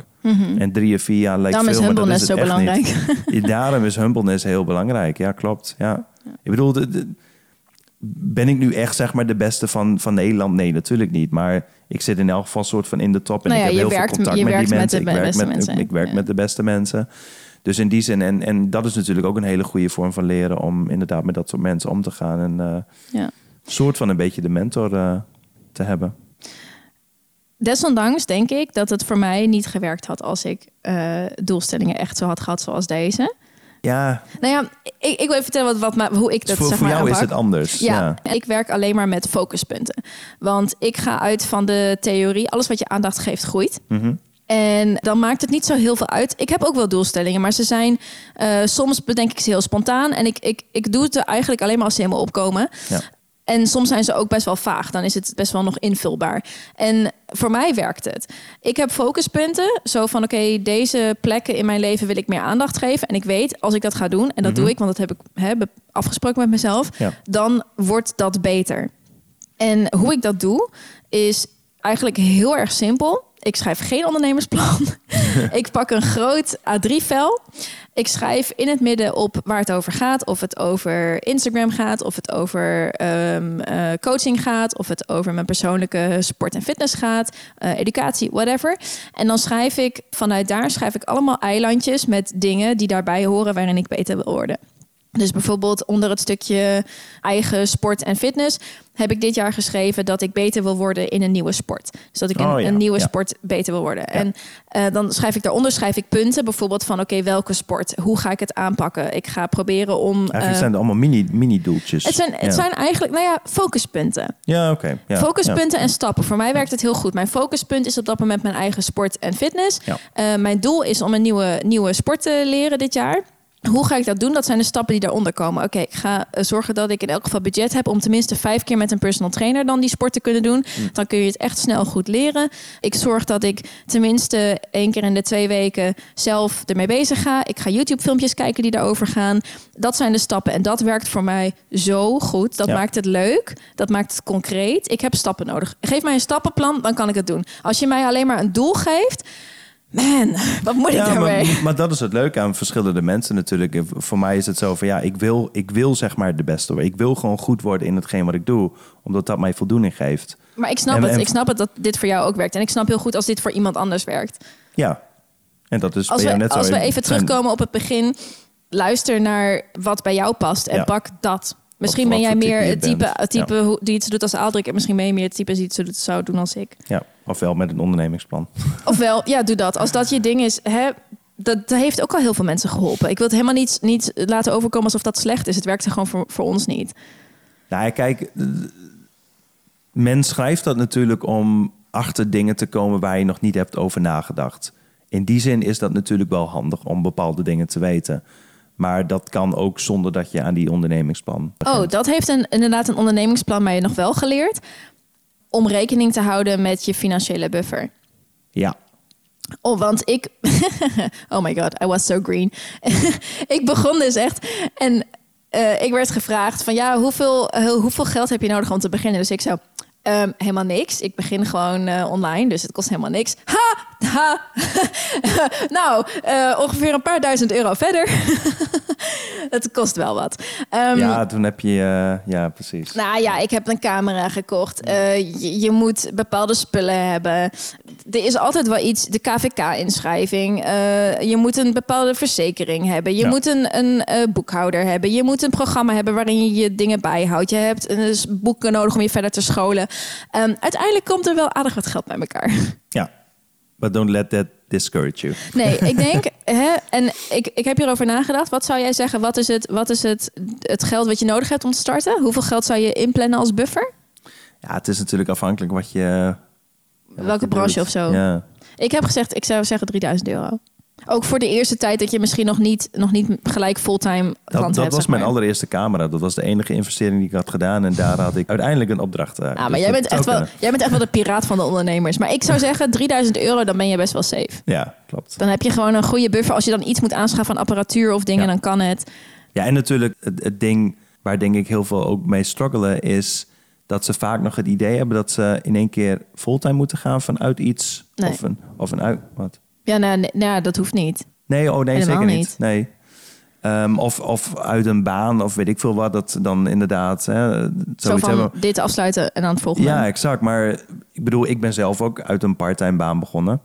En ik denk dat dat echt, de, de- als je het safe wil, dan is dat, ja, ik bedoel, part- veel veiliger kun je niet beginnen hoor. Ik ben ook, ik ben ook part-time. Ik doe part-time mijn voedingscoaching en part-time training. En het is dat training is ook al zelfstandig zijn. Maar anders dan was dat mijn, mijn andere voor de helft vaste baan, zeg maar.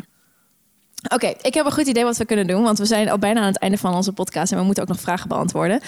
Ik had een vet goed idee voor deze podcast. Namelijk om eventjes de drie goede punten voor onszelf... en de drie negatieve punten voor ons aan ondernemen te noemen. Oh jee. Want, nee, nee, nee, luister. Want dat is iets, mijn moeder deed het altijd als ik vroeger uit school kwam. En ik had een niet zo hele goede dag gehad. Dan zei ze altijd van, oké, noem me eens drie dingen vandaag die leuk waren. Nou ja. En noem me eens drie dingen vandaag die slecht waren. En dan moest ik altijd beginnen met de drie dingen die niet leuk waren. En eindigen met de drie dingen die positief waren. Hm. Omdat je dan het positieve onthoudt. En nuance brengt in je dag eigenlijk. Ik kan wel twintig goede dingen opnoemen en drie, Drie slechte. slechte. Ja, sorry. Oké, maar je moet Maar het... dat gaan we niet doen. Wrap it up. Wil je beginnen? Ja? Ja, goed? je mag beginnen, Toer. Ehm, dus eerst beginnen met de negatieve dingen. Ja.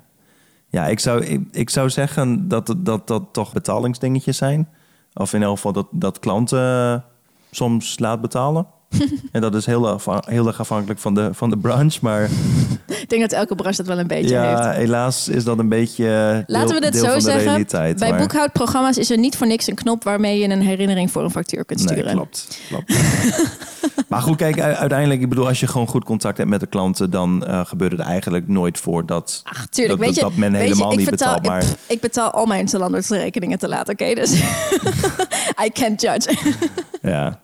Nou ja, dat, dat is dus eigenlijk ja, betalingsonzekerheden. Dus, eh, Wat mij verbaasde, is dat het ja. vanuit grote klanten ook vaak is. Van Ik- ik mensen denk, die, ik- die het geld echt wel het, hebben. het, het, het, gekke, het gekke is dat het vaker uit grote klanten komt. En de reden daarvan is denk ik simpel. Ze hebben niet zoveel te verliezen. zou, dat, zou dat zo die arrogantie zijn? Ik durf dat bijna niet te denken dat, gewoon. Dat is niet per se arrogantie, want er zit ook gewoon zeg maar een, een administratiepersoneel zit daarop om dat eh, te doen. En zij denken niet vanuit die arrogantie, maar Nee. Het, is, het is meer de bureaucratie die speelt binnen het bedrijf, wat het vaak lastiger maakt om zeg maar te betalen. Ik bedoel, wij zijn eh, onze rekening die ligt vaak of helemaal onderaan. Weet je, Ja. dat, dat soort gedoe. Oh, Maar dat ze op- belangrijkere dingen hebben dan ons kleine Ja, dingetje exact, betalen. ja, exact, Ja, ja. Dat, dat kan ik En op het moment als ik bijvoorbeeld eh, een samenwerking heb zeg maar, met iemand waar ik gewoon goed contact mee heb. Op het moment als je diegene te laat betaalt, dan is het heel gemakkelijk een vertrouwensbreuk. Ja. En dat is een beetje een ongeschreven regel. Ja. ja, ik vind het eerlijk gezegd wel, en dat mag best gezegd worden. Vooral als je een eenmansbedrijf bent, als je net begint, je hebt het niet breed. Nee, en, klopt. En je wilt gewoon. Ik, ik bedoel, ik kan ervan leven. ik, ik, kan, ik heb er een leuk leven van. Maar het is niet zo dat ik een factuur van een paar honderd euro voor een maand... dat ik die pas drie weken later kan krijgen en dat het prima Nee, is. nee. Dan struggle ik wel. En ik heb daar nooit over nagedacht als consument. En eerlijk gezegd, ik doe het nog steeds niet. Want bij Zalando betaal ik ook mijn rekeningen te laat. Ja, oké, maar, kijk, dat soort grote bedrijven voor consumeren... Die ze- hebben meer buffer. Ja, ze hebben Ja. meer buffer en ze gaan er ook vanuit dat klanten gewoon laat betalen. Ja, dat ik bedoel, denk ik dat, ook, dat ja. zit gewoon in hun verdienmodel. Maar goed, in elk geval, mensen die dus gewoon een eenmansbedrijf zijn, die hebben die buffer niet. Nee. En je, ik heb nog nooit, honest of the honest, ik heb nog nooit zoveel geld in mijn leven verdiend en ik ben nog nooit zo arm geweest tegelijkertijd. Ja, dat is... eh, ja, dat herken ik wel. Dat is, ik, ik weet niet, niet ik weet niet hoe dat kan, maar het, het werkt. ja. Het is altijd, en dan komt er ineens, komt er weer van een random plek, Ja. komt er weer geld binnen en dan ben ik ineens, weer heb ik weer veel geld. Ja. En dan een ander moment denk ik van, shit, ik heb nog drie klanten die nog moeten betalen en dan moet ik weer even een herinnering sturen. Maar, Maar, maar dat vind ik tegelijkertijd ook wel heel erg leuk. Want dat, dat haalt je zo uit het stramien van... eh, nou, normaal, ik heb ook heel lang in loondienst gezeten. En dan krijg je gewoon elke maand krijg je gewoon je check. Ja. En daar leef je naar. Ja. Maar op het moment dat je dus gaat ondernemen, dan kan het dus oh, niet meer. je gaat echt wel beter op je geld letten en meer ja, en dat, sparen. dat is, dat Ja, is, dat is true. positief hoor. Dat is echt positief. Ik bedoel, je krijgt een, een, een grotere verantwoordelijkheidsgevoel, denk ik, voor geld. En alles wat er binnenkomt. Wetende of dat, dat er misschien een optie is dat je volgende maand gewoon minder krijgt. Mhm. En daar hou je gewoon rekening mee. Maar dat is alleen maar goed. Want dat, dat, dat legt meer verantwoording bij jezelf. Het heeft mij, het moet, moet ik wel zeggen, het heeft mij ook heel erg dankbaar gemaakt voor mensen die gewoon gelijk hun rekeningen betalen. Oh, sowieso. Eh, dat waardeer ik, ook. eh, iemand waarvoor ik werk, want zo werkt het in de sport. Mensen huren je in en eh, je schrijft dan een factuur naar die sportschool, zeg maar. Ja. Als iemand gelijk die rekening betaalt, wauw, dan denk ik echt, wat heb ik toch een geluk dat ik voor diegene mag Ja, werken. ik zit er net aan te denken, maar het, het, het schijnt wel veel te gebeuren dat, ehm, dat men zeg maar op de factuur zet of in de mail van de factuur, dat ze dan bijvoorbeeld zeggen van als je binnen drie dagen betaalt, dan eh, krijg je vijf- 5% korting of zo. Echt? Ja, Wauw, dat ga ik doen. Oh my god. ja. ja ik, ik denk er net aan, maar ik heb dat echt nog nooit gedaan. Maar, Oh. Ja, ik kan me dat nog niet voorloven. Maar als ik dat ooit kan, dan ga ik, bedoel, dat denk ja, ik wel je kan ook 3% zeggen. Of ik bedoel, voor kleine bedragen is eh 5% natuurlijk niet zoveel. Maar het kan Ja. misschien net even dat beetje zijn dat het bedrijf zegt van oké. eh, Ja, maar oh, dat, maar is best een gebeurt. goed idee. Ja, Oh. ja, dat gebeurt. Oké, je andere punten. Ehm, ja, eigenlijk waren dat de punten, denk ik al. Dat was één het, groot punt, of niet? het was, was één groot punt met, met alle, eigenlijk allemaal geld gerelateerd. Want ik kan niks anders verzinnen dat het negatieve ding... Ja, misschien dat ik nog één ding zou kunnen zeggen... is dat het soms wat eenzaam is. In elk geval in mijn geval, omdat ik veel werk. om dit te werk. horen uit jouw mond. Ja, je weet dat ik niet... Ja, maar ik, Aldrich kan een week lang zijn huis niet verlaten. Dan maakt het me echt niet uit. Dan denkt hij, Nee. oh hey, gisteren was het nog woensdag. En nu is het ineens vrijdag. Hoe komt dit? Ja, oké, maar de, in de, de context van die eenzaam bedoel ik dan meer van dat ik zeg maar mis om soms mensen om me heen te hebben om mee te brainstormen. Ja, Eh, dus, dus werkgerelateerd. ik moet zeggen, dat heb ik ook meer. Omdat ik gewoon meer contacten al heb in Ja, deze exact. wereld. En Ja, mijn contacten ja, ook. ja. Ik bedoel, jouw contacten zitten allemaal in de Randstad. Voor ja. een groot deel. Ja, het meeste wel. Ja, klopt. Ja. Ja. Dat is wel echt hetgeen wat ik mis, maar ook daar ben ik nu steeds meer mee bezig. En dat ik eh, toch meer contact heb met andere samenwerkingen, et cetera. Dus Mhm. dat, eh, dat hielp voor mij wel om... eh, dat, eh, Ik wil je positieve punten horen. Oh, ehm, ik zou zeggen lang leven de vrijheid.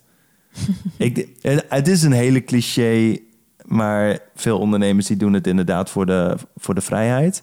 Maar dan zit er nog een groot verschil tussen alleen maar werken en dat je zeg maar in die context nog vrijheid hebt of vrijheid als in echt vrijheid dat je zeg maar naast het ondernemer zijn en filmmaker in mijn geval dat je dan ook nog andere dingen kan doen. En ik Mhm. zit in categorie 2. Oh, dat je inderdaad, ja, ik snap het, dat je je andere interesses ook kunt uitbouwen. Zeg Exact, maar. ja, dat je niet exact. consumed wordt door je één Exact, baan waarin ja, je alleen maar ja. één taak de hele tijd doet. Ja, klopt. Ja. Of niet, niet, niet zozeer één taak, maar gewoon alle taken wat, nou ja, wat geld in het laadje zorgt of wat onder het profiel van ondernemen valt. Ja. Dus eh, die vrijheid vind ik heerlijk, want die vrijheid die, die gebruik ik vooral om boeken te lezen. Die gebruik ik vooral om YouTube-video te kijken. Meer ruimte voor zelfontwikkeling zou ik ook zeggen. Nou, Ja, dat heb dus- je daardoor. Dat heb je dus daardoor. Dat is inderdaad. Ik zou zeggen, de sky is the limit als het gaat om Ja. ontwikkeling. Ja, en dat, dat is denk ik ook een beetje punt drie. eh, dat ik daardoor meer talenten en kwaliteiten kwijt kan in hetgeen wat ik doe. Mhm. Dat vind ik ook wel mooi. Het brengt alles samen zo'n beetje. Het, het, moet, het moet alles samenbrengen. Ja. Alles, alles wat je zeg maar kan en hebt geleerd, komt op het duur samen. En dat is jouw signature van, ja. van wie je bent. Oh, dat is grappig. Ik dacht daar vandaag nog over na. Ik heb echt het gevoel dat je inderdaad, als je onderneemt, eigenlijk gebruik maakt, gebruik maakt van je hele persoonlijkheid. Ja. En van al, alle skills die je 100%, hebt. ja. En dat je daar ook beter in wordt. Ik heb echt het gevoel dat ik op zoveel vlakken een beter functionerend mens geworden ben doordat ik onderneem. Ik ben zoveel beter met geld. Ik ben zoveel beter met planning. Ik ben zoveel beter met efficiënt werken. Eh, zoveel beter met eh, sociaal contact leggen kijk, en het, zo. het verschil is, je, je, je voert geen taak meer uit. Het is niet Het is een je taak. natuur het, is, het is nou, het is niet echt natuur, maar het is gewoon, het is allesomvattend wat je doet. Mhm. Eh, even een heel kort voorbeeld. Vroeger ben ik dus met muziek begonnen. En toen ben ik veel met psychologie bezig geweest. Toen ben ik gaan fotograferen. Toen ben ik gaan film maken. En alles komt nu samen. Letterlijk alles. Ja. En dat is denk ik wat heel veel wel gaan herkennen op het moment als ze, als ze dat gaan doen. It's very interesting. I like it. Yes. En yours? Oké, ik heb een punt. Ik heb sowieso ook finances, dus ik zal daar even. Ik ga heel kort op in, want dat hebben we al heel- nu al uitgebreid genoemd. Ja. Maar finances, wat ik al zei, nog nooit zoveel geld verdiend, nog nooit zo arm geweest. Ja. Dat is mijn punt. Ja. Af en toe is het gewoon annoying. En word je met, je met je neus op het feit gedrukt dat mensen mensen zijn. Mhm. En dat ik ook een mens ben en me dus eigenlijk net zo gedragen. en Net zo slecht ben. Maritza, betaal je rekeningen op tijd. Ja, foei. Zo. Oké, goed. Volgende. Ehm, voor mij is een punt, nu nog af en toe, misschien dat dat is omdat ik ook net begonnen ben, onzekerheid over waar het uiteindelijk allemaal naartoe gaat. Oh, die, Ehm, die snap ik wel. Dat Ja. je, je doet het en je vraagt je af, ja maar wat, waar ga ik eigenlijk heen? Wa- wa- waar kom ik dan? En als je bij een bedrijf werkt, heeft het bedrijf dat voor jou bedacht waar het naartoe gaat. En je hoeft het alleen maar te volgen. Vind je dat ook niet tegelijkertijd heel, heel spannend in de positieve zin? Ja, zeker. Want ik weet dat ik ook alles. eh, Hey, het, is, het voelt ook heel vrij. Maar alles Ja, heeft een, ja. een, een, eh, voordeel en een nadeel. En die Ja. vrijheid voelt af en toe ook heel erg onstabiel. En ik merk ook dat. Dat, dat snap ik heel ehm, goed. ik denk dat dat mensen ook wel eens afschrikt aan ondernemen. Dat ze denken van, nou, maar ik wil zekerheid hebben, ik wil stabiliteit hebben. Nou, als je dat wil, dan moet je ook gewoon in die zin niet, niet echt Niet gaan ondernemen. Nou ja, je krijgt er dus ook vrijheid voor terug. Ja. En ik heb soms echt het gevoel dat ik echt een best wel een beetje een piratenleven leef. Dat ik gewoon ga met de wind en ik zie wel waar mijn schip strandt, weet Ja. je zo. En I love that. Maar heel af en toe, misschien snap. één keer per maand, dan denk ik, man, wat ben ik aan het doen? En ik denk dat je dat best mag voelen en dat dat er best mag zijn. Ik ben daar gewoon eerlijk over. Ja, en ehm, En mag je ook wel iets meer dan dat voelen. Ik bedoel, dat is ook oké. Het hoort er allemaal bij. de, Je de volgende dag dan gebeurt er weer iets en dan denk ik, Ja, yes, exact, we're going. Ja, ja. Maar, maar dat vind ik op, oprecht het leuke, zeg maar. Dat je diepere hoogtepunten hebt. Diepere... En hogere ho hoge punten. Ja, exact. Ja. Die- diepere, Diepere dalen, dalen en en hogere, hogere- hogere punten. ja, dat is exact, echt zo. Het is echt een beetje een rollercoaster Ja. life. En niet iedereen is daarvoor gemaakt. Wil je het lekker Nee, stabiel maar hebben en groei steady? je wel heel erg. I enjoy that. Ik vind dat Ja. leuk om, om een beetje van, van hier naar daar te gaan. Maar dat betekent Ik niet dat ik in het moment dat ik in een dal zit, dat ik dat niet voel. Want dat, Nee. I feel that shit. Yes, me too. Oké, volgende punt, laatste negatieve punt voor mij, is dat mensen soms heel erg afwerend reageren op eh, als je zelfstandig ondernemer bent.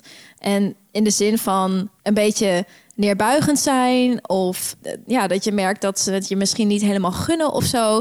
Wat zo Ehm, van, heb je een bedrijfje of zo? Ja, nou ja, ik heb dus wel eens gesprekken waarin mensen, en als we even terugkomen naar, naar jezelf niet klein praten. eh, in het begin deed ik deed dan een beetje ongemakkelijk van, ja, ja, een bedrijfje, hoe gaat het met je bedrijfje? Ja, ja, gaat wel goed. En dan zeg ik, eh, je bedoelt mijn bedrijf. Oké, ja, het gaat goed.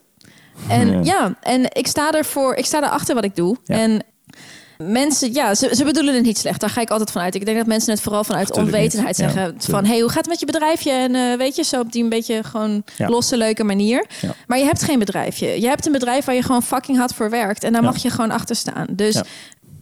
ja. af en toe zit ik daar wel eens mee dat mensen daar... En, en dat is ook nog een hele classic die denk ik elke ondernemer ook wel eens gehoord heeft. Wanneer zoek je eens een echte baan? Ik heb die in elk geval echt al heel vaak gehoord. Ja, ik zie jou lachen, jij ook. ja, Ehm, de mensen hebben dat nog nooit tegen me gezegd, maar ik voel het wel. Dat ze zoiets hebben zo van, ja, maar... Ik bedoel, wat, wat voeg je nou toe, zeg maar, aan de maatschappij maar wat voeg je, door wat voeg je in godsnaam toe als je in een kantoor zit... en alleen Ja, maar geld op. bedienen van voor een baas? Dat, wat, Nou, de bullshitbanen. nee, nee, nee, dat zijn geen bullshitbanen. Die, iedereen moet doen wat hij leuk vindt. En wat hij, weet je, ik, ik vind helemaal... Maar je moet ook niet... Ik praat diegene niet omlaag. En ik vind dat diegene Nee, mij ook niet omlaag moet Nee, praten. klopt, klopt. Dus eh, het lijkt soms zo alsof wij niet hard werken, omdat we kunnen doen wat we willen. Omdat ik op een dinsdagmiddag kan gaan lunchen als ik wil. En omdat ik vrij kan nemen wanneer ik wil. En omdat ik, Ik vind juist dat we wel niemand werken. hoeft te vragen. Maar ik bedoel, het is kwart over tien en we zijn nog steeds podcast aan het opnemen. Ik heb nu een dag van 12 uur achter de rug, ja. Ja, oké, maar, maar als, je, als je heel kort kijkt, zeg maar, wat iemand in een 40-urige werkweek nou echt doet, dat is Eh. uiteindelijk iets van 10 of 15 uur. Meer is het echt niet. Ja, ik ben echt veel efficiënter ook gaan werken inderdaad, doordat Ja, ik, ja. dat zei ik al, En terecht. Ja. Dus Goed. groei weer. Ja. Oké, we gaan eventjes snel door de positieve punten, want we moeten ook nog vragen beantwoorden. En anders wordt deze podcast echt veel te lang. Positieve punten. Ik doe wat ik echt leuk vind. Mhm. En ik kan mezelf, ik kan, ik, ik weet nog dat ik vroeger, toen ik, toen ik net ging studeren, dacht van, wow, maar wat ga ik doen als ik straks afgestudeerd ben? Want het enige wat ik eigenlijk wil doen is elke dag met sporten voor die bezig zijn. Hoe ga ik dit doen? Nooit op het idee, want dat wordt je niet geleerd op de universiteit, maar nooit op het idee gekomen van, hé, hey, misschien kan ik daar zelf iets mee gaan ondernemen. En ik ben zo, zo, zo dankbaar dat ik dit, die manier gevonden heb Ja. alle struggles die er zijn, zouden er nog tien meer kunnen zijn. En ik zou dat alleen voor dat ene positieve punt zou ik dat al nemen, zeg maar. ja, me too. Oké, volgende. Ik heb dus het gevoel, en dat, dat zou ik niet hebben wanneer ik voor een, baan zou, voor een baas zou werken in een kantoorbaan waarbij ik alleen maar geld aan het verdienen ben voor een bedrijf. Ik heb het gevoel dat ik echt iets toevoeg aan de wereld. Dat ik iets teruggeef voor het feit dat ik, dat ik hier ben en dat ik met mijn passie Dat is voldoening. ja, dat, dat geeft mij zoveel voldoening dat ik gewoon iets kan geven. Voor mij is ondernemen niet nemen. Het is niet geld nemen van klanten. Het is waarde geven aan cliënten. En daar geld voor terugkrijgen. Ik moet ergens van leven. Dat is natuurlijk zo. Nee, nee, maar dat bedoel ik gewoon zoals ik het zeg. Ik bedoel, Ja. jij geeft waarde en je krijgt daar geld voor terug. Dat is heel normaal. Ja, nou ja, dat is inderdaad gewoon heel normaal. Maar Ja. ik onderneem vanuit de zicht, wat kan ik geven? En niet Ja. vanuit de zicht van, hoe kan ik zoveel Hoe kan ik zoveel krijgen? nemen? Nee, klopt.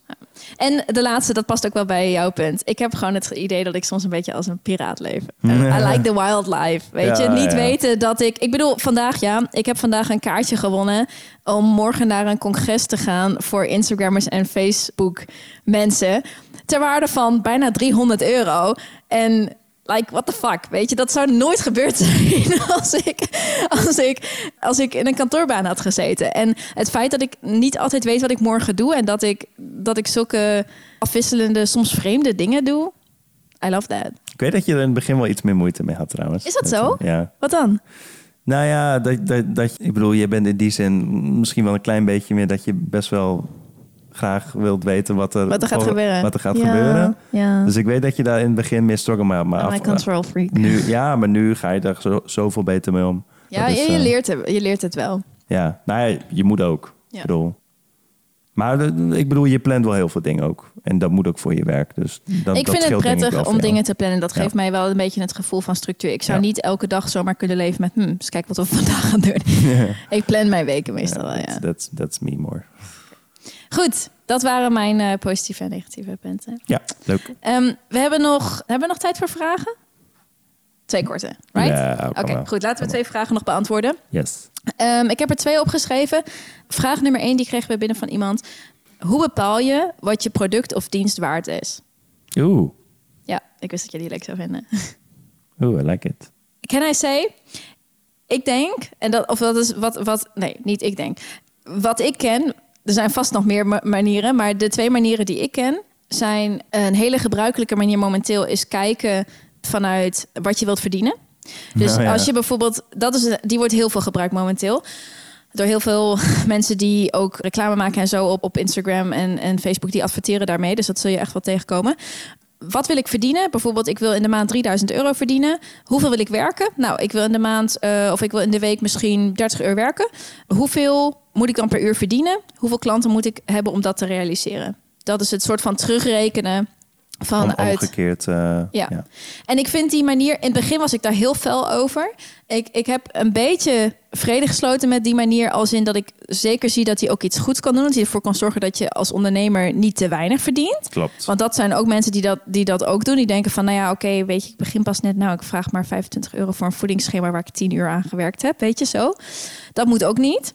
Tegelijkertijd denk ik dat het niet het volledige plaatje laat zien. Nee, het laat een heel flawed plaatje zien. Ja, Maar dat, dat komt denk ik omdat de uitkomst niet helemaal klopt. Op het moment dat je ervan uitgaat dat dit is wat ik wil verdienen, dan ga je eigenlijk een punt al voorbij. En dat is, misschien zit je nog helemaal niet op dat punt exactly. om zoveel te dat is verdienen. precies, ja, dat is precies wat ik wilde zeggen. Dat, dat, is, dat is de hele grote flaw in, ja, in, dat rekenmodel. Dit, dit, dit model gaat om wat kan ik nemen, maar het gaat niet om wat kan ik geven. Wat ben Exact, ik waard? Wat ja. ben ik voor de klant waard? En daarom is mijn mijn favorietere manier om het te doen, zeg maar, is om te kijken naar wat er in jouw branche verdiend wordt. En om jezelf dan in te schatten, te vergelijken met wat andere mensen verdienen die vergelijkbaar werk doen als jij. Mhm. En om dan te denken, oké, hoe goed ben ik ten opzichte van hun? Exact. Ja. Hoeveel kan ik vragen? Ja. En dat relateer je aan hoeveel uur je ermee bezig bent. Dat heeft ook natuurlijk weer te maken met hoe efficiënt je werkt. Als je Ja. namelijk super sloom werkt, dan kun je wel zeggen van ja, ik vraag super veel geld, want ik ben er tien uur mee bezig. Maar iemand anders kan het in vier uur. Ja, dan kun je natuurlijk niet zoveel geld vragen.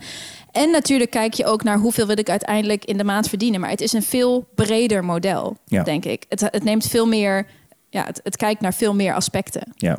100%. Dus dat is mijn favoriete model eigenlijk. Ja. Ik weet eigenlijk niet of ik echt een model toen heb gehad. Ik weet in elk geval in mijn branche dat heel veel zeggen: oké, wat is de norm? Nou, bijvoorbeeld 50 euro in het uur of zo. Als maken, is een soort van de norm. Oké, prima. Volgens mij is dat voor ondernemers wel een beetje de norm, ja. Ja, dus, überhaupt 50 voor ondernemers, norm, ja, ja. klopt. 40 is een beetje de grens, maar Ja, 50 40 is als je net start, 50 is wel goed. Ja, exact. Ja. Ja, Als je echt de beste bent in je branche kun je 60 vragen. Ja, exact. Ja. En die kijken dan vervolgens daarnaar en die hebben dan zoiets van: oké, maar dan eh, als ik dit dan bijvoorbeeld wil verdienen, dan moet ik een x aantal uren maken. Ook daar zie ik heel veel problemen bij. Ik bedoel, als ik kijk hoe ik ben begonnen, ik ben altijd op projectbasis gestart. En ik heb nooit eigenlijk echt naar mijn uurloon gekeken. En de reden waarom ik dat heb gedaan is ook heel simpel, omdat ik vind dat het mijn verantwoording is hoe ik de klant help en hoe ik zo efficiënt mogelijk kan werken Dat gaat je stimuleren om dat efficiënter gaat je te werken. stimuleren Ja. inderdaad om efficiënter te werken en dan ook om beter te worden dan, dan de concurrentie. Want op het moment als je alleen maar in uren denkt, dan denk je van ja, maar mijn uurloon is lager of hoger dan mijn concurrent. Maar dat zegt eigenlijk niet zo heel veel over hoe je nou daadwerkelijk zoveel kunt doen in dat uur. Nee. Dus de, dat, dat model is best wel, eh, is best wel een beetje stuk als je mij vraagt. En ik, ik denk voor, voor mensen die starten, is het allerbeste om inderdaad een per projectbasis eh, te bekijken. En dan uiteraard naar je concurrentie te kijken wat, wat, wat, wat zij doen, hoe goed zij zijn. En dat dan in combinatie met jouw model. Ja, eens. Oké. Volgende en laatste vraag. Ik geef jou als eerste het woord, want ik ben heel benieuwd. Welke fouten hebben jullie gemaakt als ondernemers? Ik maak geen fouten. Oh ja, jij bent perfect natuurlijk. Maar wel hè, perfect met een touch of humbleness. Yes, yes. Ah, Fout heeft ook met tarieven te maken. Dat ik op de duur mijn tarieven te snel te hoog had ingelegd. Oké, dat is En, kort. en dat, eh, dat had eh, te maken met eh, geen humbleness. Nou, dat was de fase dat je dacht van, ah, I'm going strong here. Ja, nee, maar oprecht. Ja. Echt waar? Ja, Oké, ja, nou ja, goed. Voor, mij is, ehm, voor mij is de grootste fout om niet, en nog steeds, om niet te luisteren naar mijn gevoel. Ik heb namelijk best wel een goed gevoel over heel veel dingen. Hm. En ik kan daar echt bijna blind op vertrouwen. Als iets niet goed voelt, dan is het dat ook meestal uiteindelijk niet.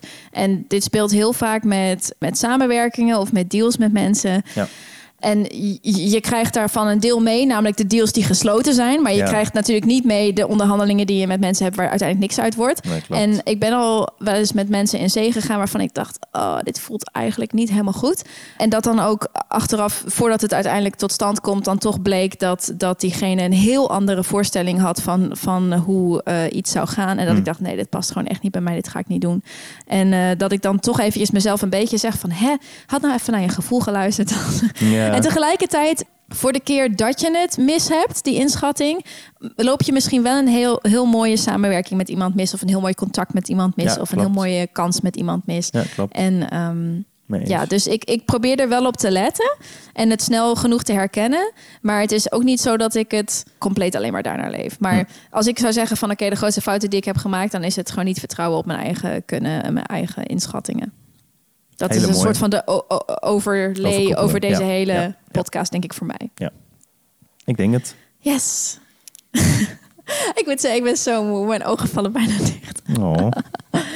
Ah, nou goed, we hebben echt, denk ik, alles genoemd wat ik zo voor nu kan bedenken over onze tips. Ik wil heel graag nog een podcast maken over hoe je echt kunt starten, als in stappen of zo. Ja, laat maar even weten of jullie het leuk vinden om dat eh, te horen. Vind jij het leuk om dat op te nemen?